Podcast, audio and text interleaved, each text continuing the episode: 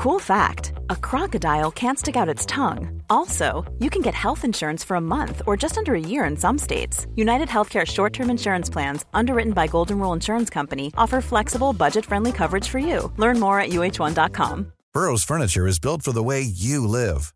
From ensuring easy assembly and disassembly to honoring highly requested new colors for their award winning seating, they always have their customers in mind. Their modular seating is made out of durable materials to last and grow with you. And with Burrow, you always get fast, free shipping. Get up to 60% off during Burrow's Memorial Day sale at burrow.com slash ACAST. That's burrow.com slash ACAST. burrow.com slash ACAST.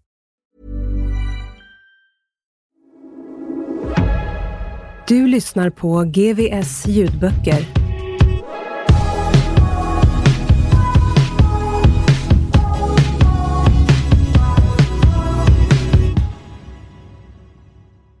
De kallar mig Solvallamördaren av Janne Ranninen och Ivar Andersen. Att sitta häktad var betydligt hårdare i Finland än i Sverige. I Sverige får man sitta anhållen max tre dagar innan man enligt lag måste förflyttas till häktet. Här blev jag sittande i en jävla fyllecell utan fönster. Det fanns inget dagsljus och jag fick inte ens ha klocka i cellen. De enda hålltider jag hade var när plitarna kom in med maten.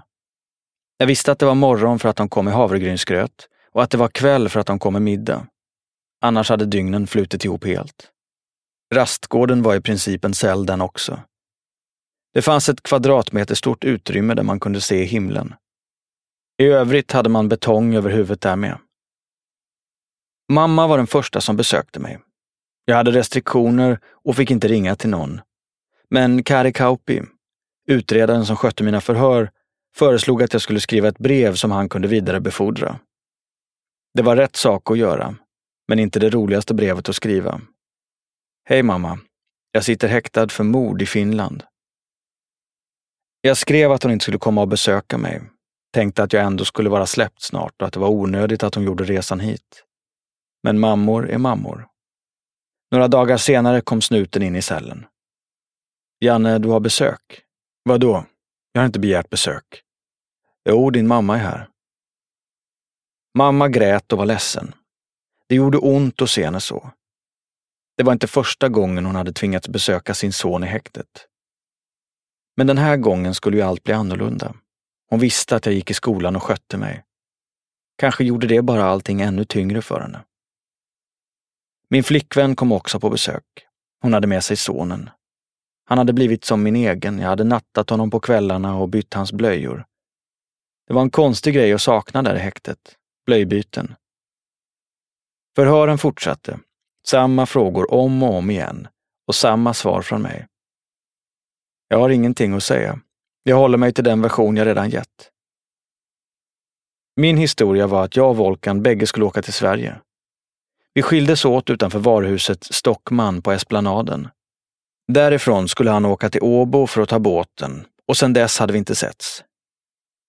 De två månader snuten fick på sig hade snart gått och jag började känna mig lugn. De hade inte lyckats gräva fram mer bevis. Men det behövdes tydligen inte. Rätten gav dem tre månader till på sig. Vad fan är det här för något? tänkte jag. Det var mars. Jag hade tänkt komma ut till våren och nu skulle jag plötsligt sitta till sommaren. Utredarna började bli frustrerade.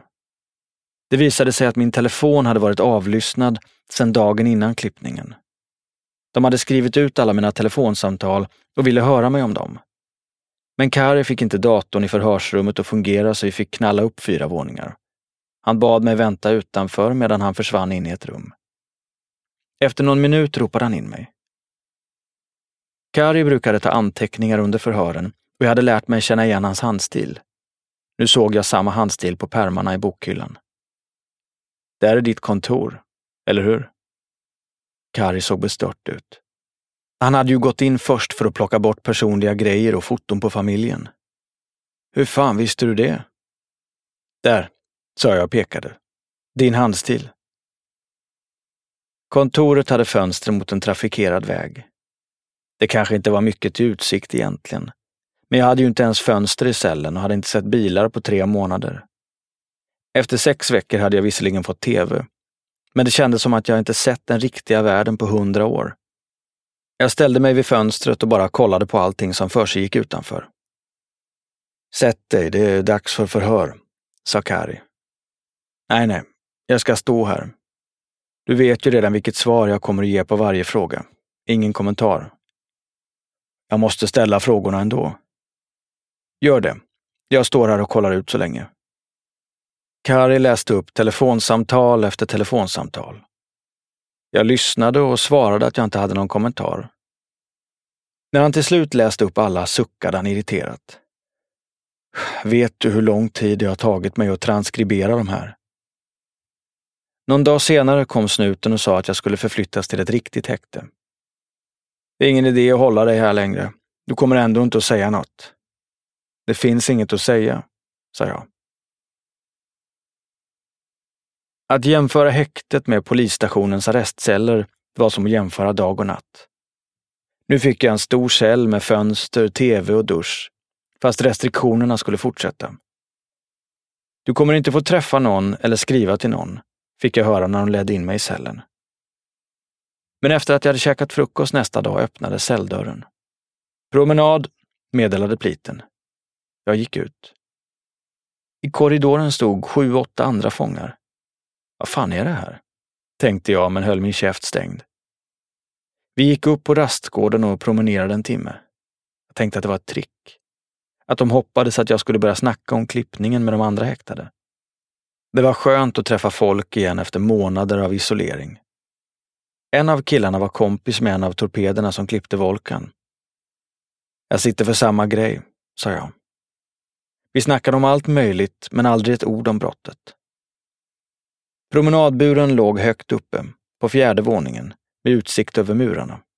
Jag kunde titta ut över parkeringen när jag visste att min flickvän skulle komma på besök med sonen. När de klev ur bilen vinkade vi till varandra.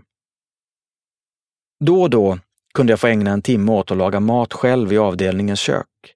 Och när plitarna var på humör kunde man få umgås med någon av de andra häktade. Mitt hår hade vuxit sig långt och jag bad en kille som kunde klippa hår och fixa till det. Har du varit hos frisören? frågade Kari när vi sågs nästa gång. Nej, jag har klippt mig själv. Jaha, vad bra att du har gjort det, sa han och såg förvånad ut. Att jag fick hänga med de andra häktade var ingen konspiration för att få mig att prata bredvid mun. Det var bara häktespersonalen som tabbat sig. Det tog tre veckor för dem att upptäcka sitt misstag. Vad fan har du inte sagt att du har restriktioner för? Frågade plitarna argt när de kom in i min cell. Det är väl er grej att hålla reda på, svarade jag. Sommaren kom. Häktningstiden förlängdes. Hösten kom. Häktningstiden förlängdes. Jag började förstå att vi inte skulle gå loss. Det var kört. Nu handlade det bara om hur lång volta vi skulle få. Jag ville utnyttja tiden så gott det nu gick. På hösten tog jag kontakt med häktets studievägledare och förklarade att jag ville läsa in gymnasiet. Det gick bra. Men jag behöver dina högstadiebetyg, sa studievägledaren. Jag förklarade för Kari att jag behövde ringa mamma och be henne skicka dem. Ska du läsa in gymnasiet? frågade han. Det tar ju tre år. Du har ju sagt att du ska bli frikänd. Ja, jo, men jag kände för att plugga, sa jag. Han fattade att jag hade fattat och började garva. Men jag fick ringa och jag fick mina intyg. Kari skötte sig korrekt mot mig och min familj. Inget äckel där. Han gjorde sitt jobb helt enkelt, varken mer eller mindre. På helgerna kom tjejen på besök med sonen. Vi fick 30 övervakade minuter ihop på lördagen och lika mycket på söndagen. Sonen hade vant sig av med blöjor medan jag suttit häktad. Det var en stor grej. När han blev kissnödig reste sig min flickvän för att ta honom till toaletten. Nej, låt mig gå med honom, sa jag ivrigt. Polisen nickade godkännande och vi gick iväg. Han visade att han kunde själv, att han var stor nu. Jag hjälpte honom att tvätta händerna och så gick vi ut i besöksrummet igen. Jag njöt av det där när jag var tillbaka i cellen. Att han växte och utvecklades och lärde sig och att jag fick vara en del av det. Fan vilken häftig grej. Jag pluggade, tränade i cellen, bastade en gång i veckan. Fick laga lite egen mat åt mig själv då och då. Dagarna och veckorna gick. Till slut blev förundersökningen klar. De hade inte hittat någon kropp, men de hade gott om indicier. Det är kört, tänkte jag när jag läste igenom den. Jag kommer att åka på det här. Jag hade suttit häktad i tio månader. I november 2004 började rättegången.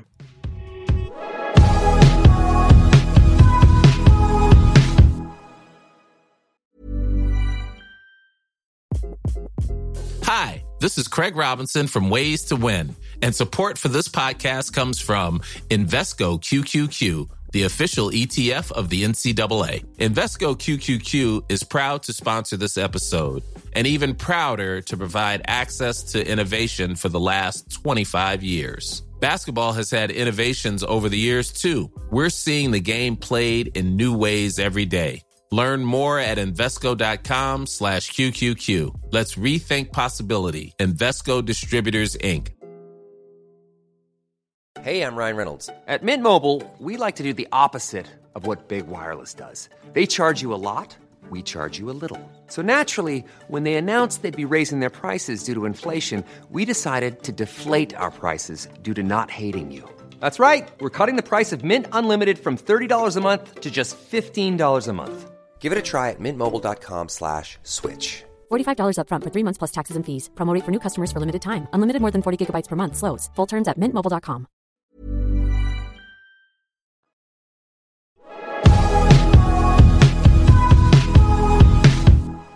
Leo och jag började skratta när vi såg varandra i rättssalen. Han var åtalad för anstiftan till mord. Det var trist att han åkt fast, men det var fint att se honom igen.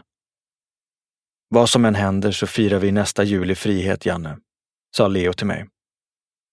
Jag antog att han menade att vi skulle rymma om vi blev dömda. För några korta straff skulle det inte bli tal om. Än en gång var jag tillbaka i en säkerhetssal. Rätten var full med beväpnade poliser. Plitarna som kört oss dit från olika häkten var också beväpnade. Jag hade fått åka i en stor kortege, precis som efter klippningen på Joksum. Men den gången hade det varit för att skydda mig. Nu var det för att vi inte skulle ta oss ut. Rättegången pågick i sju dagar. Sju långa dagar. Volkans bror Kenan vittnade bakom en mörk glasskärm. Jag var glad att jag inte såg honom. Han var supersnäll och hade aldrig gjort någonting kriminellt. Pluggade och skötte sitt. När Volkans mamma skulle sätta sig i vittnesbåset var ljuset fortfarande tänt där inne. Jag fick en skymt av hennes ansikte när hon råkade komma nära glaset. I perioder hade jag träffat henne mycket. Jag visste inte hur många gånger hon lagat mat åt mig. Ångesten kom krypande. Anna tyckte jag synd om, men kände inte ångest för henne på samma sätt som familjen. Jag visste att hon var en bricka i Volkans spel. I rätten sa hon att hon väntade Volkans barn. Jag kollade på Leo. Han skakade lätt på huvudet. Det var teater. För att få rätten att känna sympati med mordoffret. Volkans pappa Bekir ville inte sitta bakom vittnesskärmen. Det här var första gången jag såg honom ansikte mot ansikte. Det var ett trist tillfälle att mötas. Becker hade ju varit en av Sveriges tyngsta kriminella som jag sett upp till som liten. Volkan hade skrutit om honom när vi var barn. Berättat att han hade kopplingar till skomakarligan som tagit in heroin i urgröpta skoklackar på 1970-talet. Och att han skulle ha varit inblandad i ett attentat mot restaurang Monte Carlo på Kungsgatan. Nu utnyttjade han samma rättssystem som han tidigare krigat mot för att sätta dit oss. Hela bilden av honom rasade. Samtidigt begrep jag att han ville ha rättvisa. Vi hade ju mördat hans son. Mitt kriminella jag kände bara avsmak, men mitt mänskliga jag förstod. En del av pengarna Volkan stulit från Leo var polska slotti. Beckir hade lämnat dem till snuten. Det bevisar kopplingen till Arlandarånet, sa han. Pengarna och vittnesmålet blev ett indirekt bevis. Ett av många. Det fanns också övervakningsbilder på mig, Raimo och Volkan från restaurang Sosis. Foton på Raimo och Leo ihop i Sverige. Telefonavlyssning. Den sjunde dagen var jag utmattad efter veckan. Försökte förbereda mig på det värsta. Säger domaren livstid. Kastar jag stolen på honom. Då finns det inget att förlora, tänkte jag. Men domaren meddelade att det skulle bli kanslidom. Två veckor skulle det dröja innan vi fick besked om vår framtid skulle tillbringas i frihet eller bakom galler. Häktet släppte våra restriktioner och jag och Leo flyttade direkt ihop i samma cell. Det var fett kul. Vi hade inte sett varandra på länge och satt uppe hela natten och garvade åt gamla minnen. Är ni inte trötta nu efter att ha varit vakna hela natten? frågade plitarna nästa dag.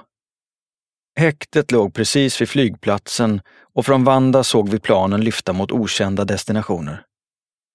Det är lustigt, sa Leo. När vi rekade Arlanda inför rånet satt vi också och kollade flygplanen var tionde minut. Och nu sitter jag här igen och kollar plan. Jag kände på mig att det skulle bli livstid. Men Leo var bara åtalad för anstiftan och trodde att han skulle bli utsläppt vilken dag som helst. Jag, Raimo och Jani fick livstid för mord. Leo fick livstid för anstiftan. Raimos fru hade åtalats för medhjälp men gick loss helt. Domen i sig var illa skriven och full av hål. Rätten hade gått helt på åklagarens linje att Leo genom mig anlitat torpederna för att genomföra gärningen. De hade inga riktiga bevis för att jag deltagit aktivt i mordet eller för att Leo skulle ligga bakom, bara teorier. Juridiskt sett borde vi egentligen ha gått loss. Inte för att vi var oskyldiga, utan för att åtalet var illa underbyggt. Å andra sidan hade vi ju gjort det vi faktiskt blev dömda för. När vi fick domen satte jag mig och läste igenom den noggrant. Leo gick istället in på celltoan och torkade arslet med den. Jag skrattade högt. I domen beskrevs jag som en hänsynslös mördare. Fan, babyfacet funkade inte den här gången, sa jag. Det syftade på klippningen på Joxo. Den gången hade jag kommit billigt undan genom att spela skräckslagen snorunge i förhören och rättegången. Nu var det Leos tur att skratta. Du är babyface. Det är ditt namn från och med nu, Janne. Leo hade pratat i telefon med Karo. Jag försökte få honom att förstå att det är jävligt lång tid, sa han. Vet du vad hon svarade? Men älskling, det är bara elva och ett halvt år kvar. Jag behövde ta ett liknande samtal. För första gången sedan häktningen fick jag ta emot oövervakade besök. Och när tjejen och sonen kom och hälsade på frågade jag henne om hon ville fortsätta. Jag har jävligt lång tid att sitta nu. Minst tolv bast. Hon ville inte avsluta det. Okej. Okay. Men om du känner att det inte fungerar måste du säga till. Jag kommer att förstå om du vill lämna mig och bara det går schysst till kommer jag inte ha någonting emot det. Hon skakade på huvudet. Nej, vi kör. Förra gången jag dömdes hade jag en strafftid att förhålla mig till och visste redan från början när jag skulle bli släppt. Livstid var inte lika definitivt. Det gick inte att räkna dagarna på samma sätt. Det här kanske är priset jag får betala. Men nu har jag tagit mig ur allting, tänkte jag.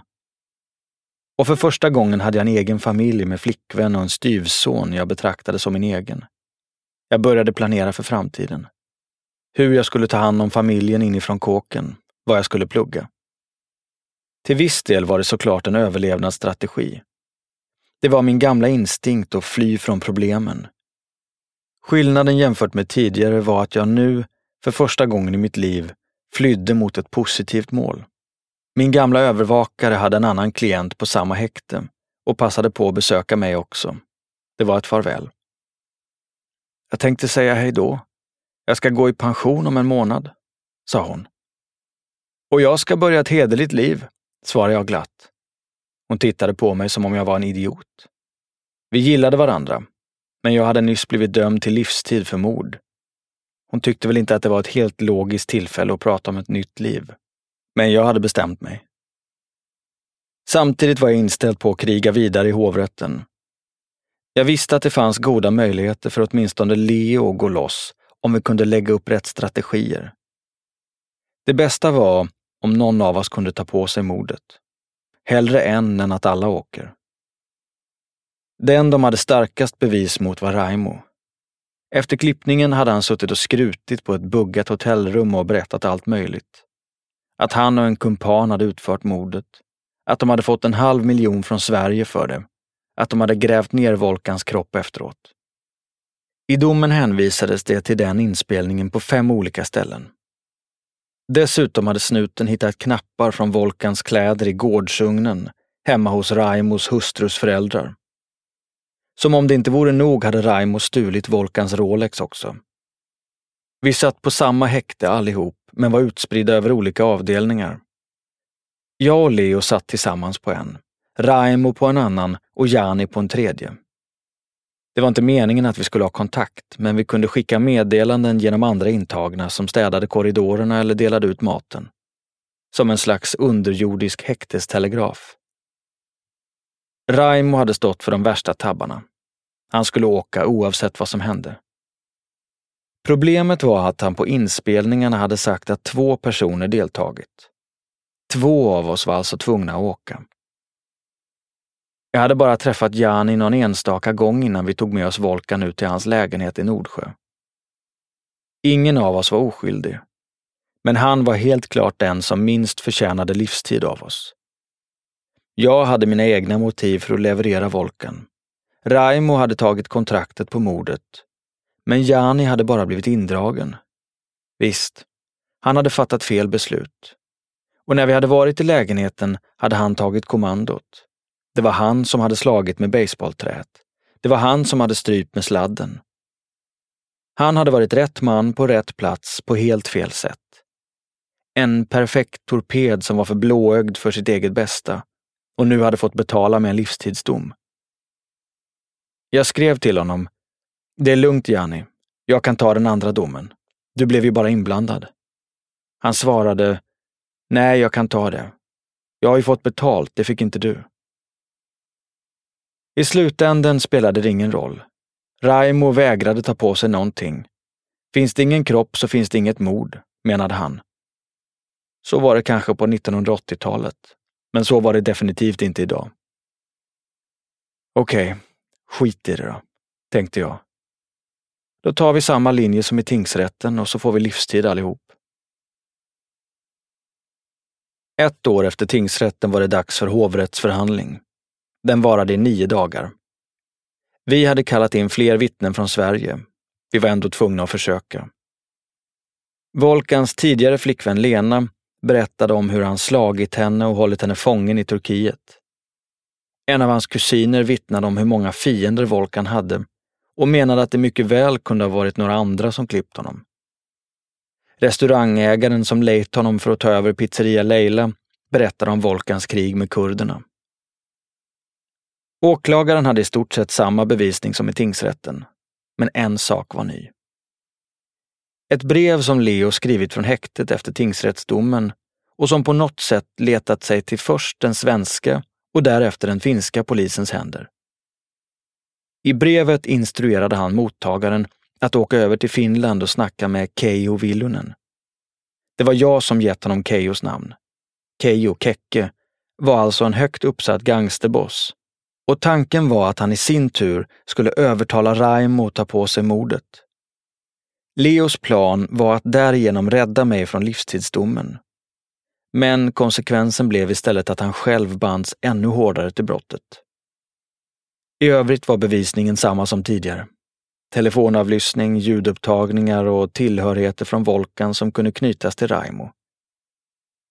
Volkan hade blivit klippt den 15 oktober våra telefoner hade varit avlyssnade sedan den 14. Enligt åklagaren hade vi varit misstänkta för narkotikabrott. Att Raimo börjat prata om mord var bara en lycklig slump som ledde polisen på rätt spår. För hovrätten lät det som solid bevisning. Men för mig var det något som inte stämde. Dels hade jag aldrig hållit på med narkotikaaffärer i Finland. Dels visste de lite för mycket. Jag var säker på att ingen av oss hade golat. Ändå hade saker kommit fram som åklagaren och snuten inte borde kunna veta. Min gissning var att de hade haft hemliga spanåtgärder som de inte redovisat. Det gav dem såklart en fördel. Samtidigt spelar ingen roll. Så länge Raimo trodde att vi skulle gå fria visste jag att den enda möjliga utgången var att vi åkte allihop. Så blev det också. Fyra livstidsdomar där det hade räckt med två. Hej! Janne Ranninen här. Om ni gillade min bok Solvallemördaren så finns även min nya bok Bakom murarna ute nu. Even when we're on a budget we still deserve nice things. Quince is a place to scoop up stunning high-end goods for 50 to 80% less than similar brands. They have buttery soft cashmere sweaters starting at $50, luxurious Italian leather bags, and so much more. Plus, Quince only works with factories that use safe, ethical, and responsible manufacturing. Get the high-end goods you'll love without the high price tag with Quince. Go to quince.com/style for free shipping and 365-day returns. Planning for your next trip? Elevate your travel style with Quince. Quince has all the jet-setting essentials you'll want for your next getaway, like European linen, premium luggage options, buttery soft Italian leather bags, and so much more. And is all priced at 50 to 80% less than similar brands. Plus, Quince only works with factories that use safe and ethical manufacturing practices. Pack your bags with high-quality essentials you'll be wearing for vacations to come with Quince. Go to quince.com/pack for free shipping and 365-day returns.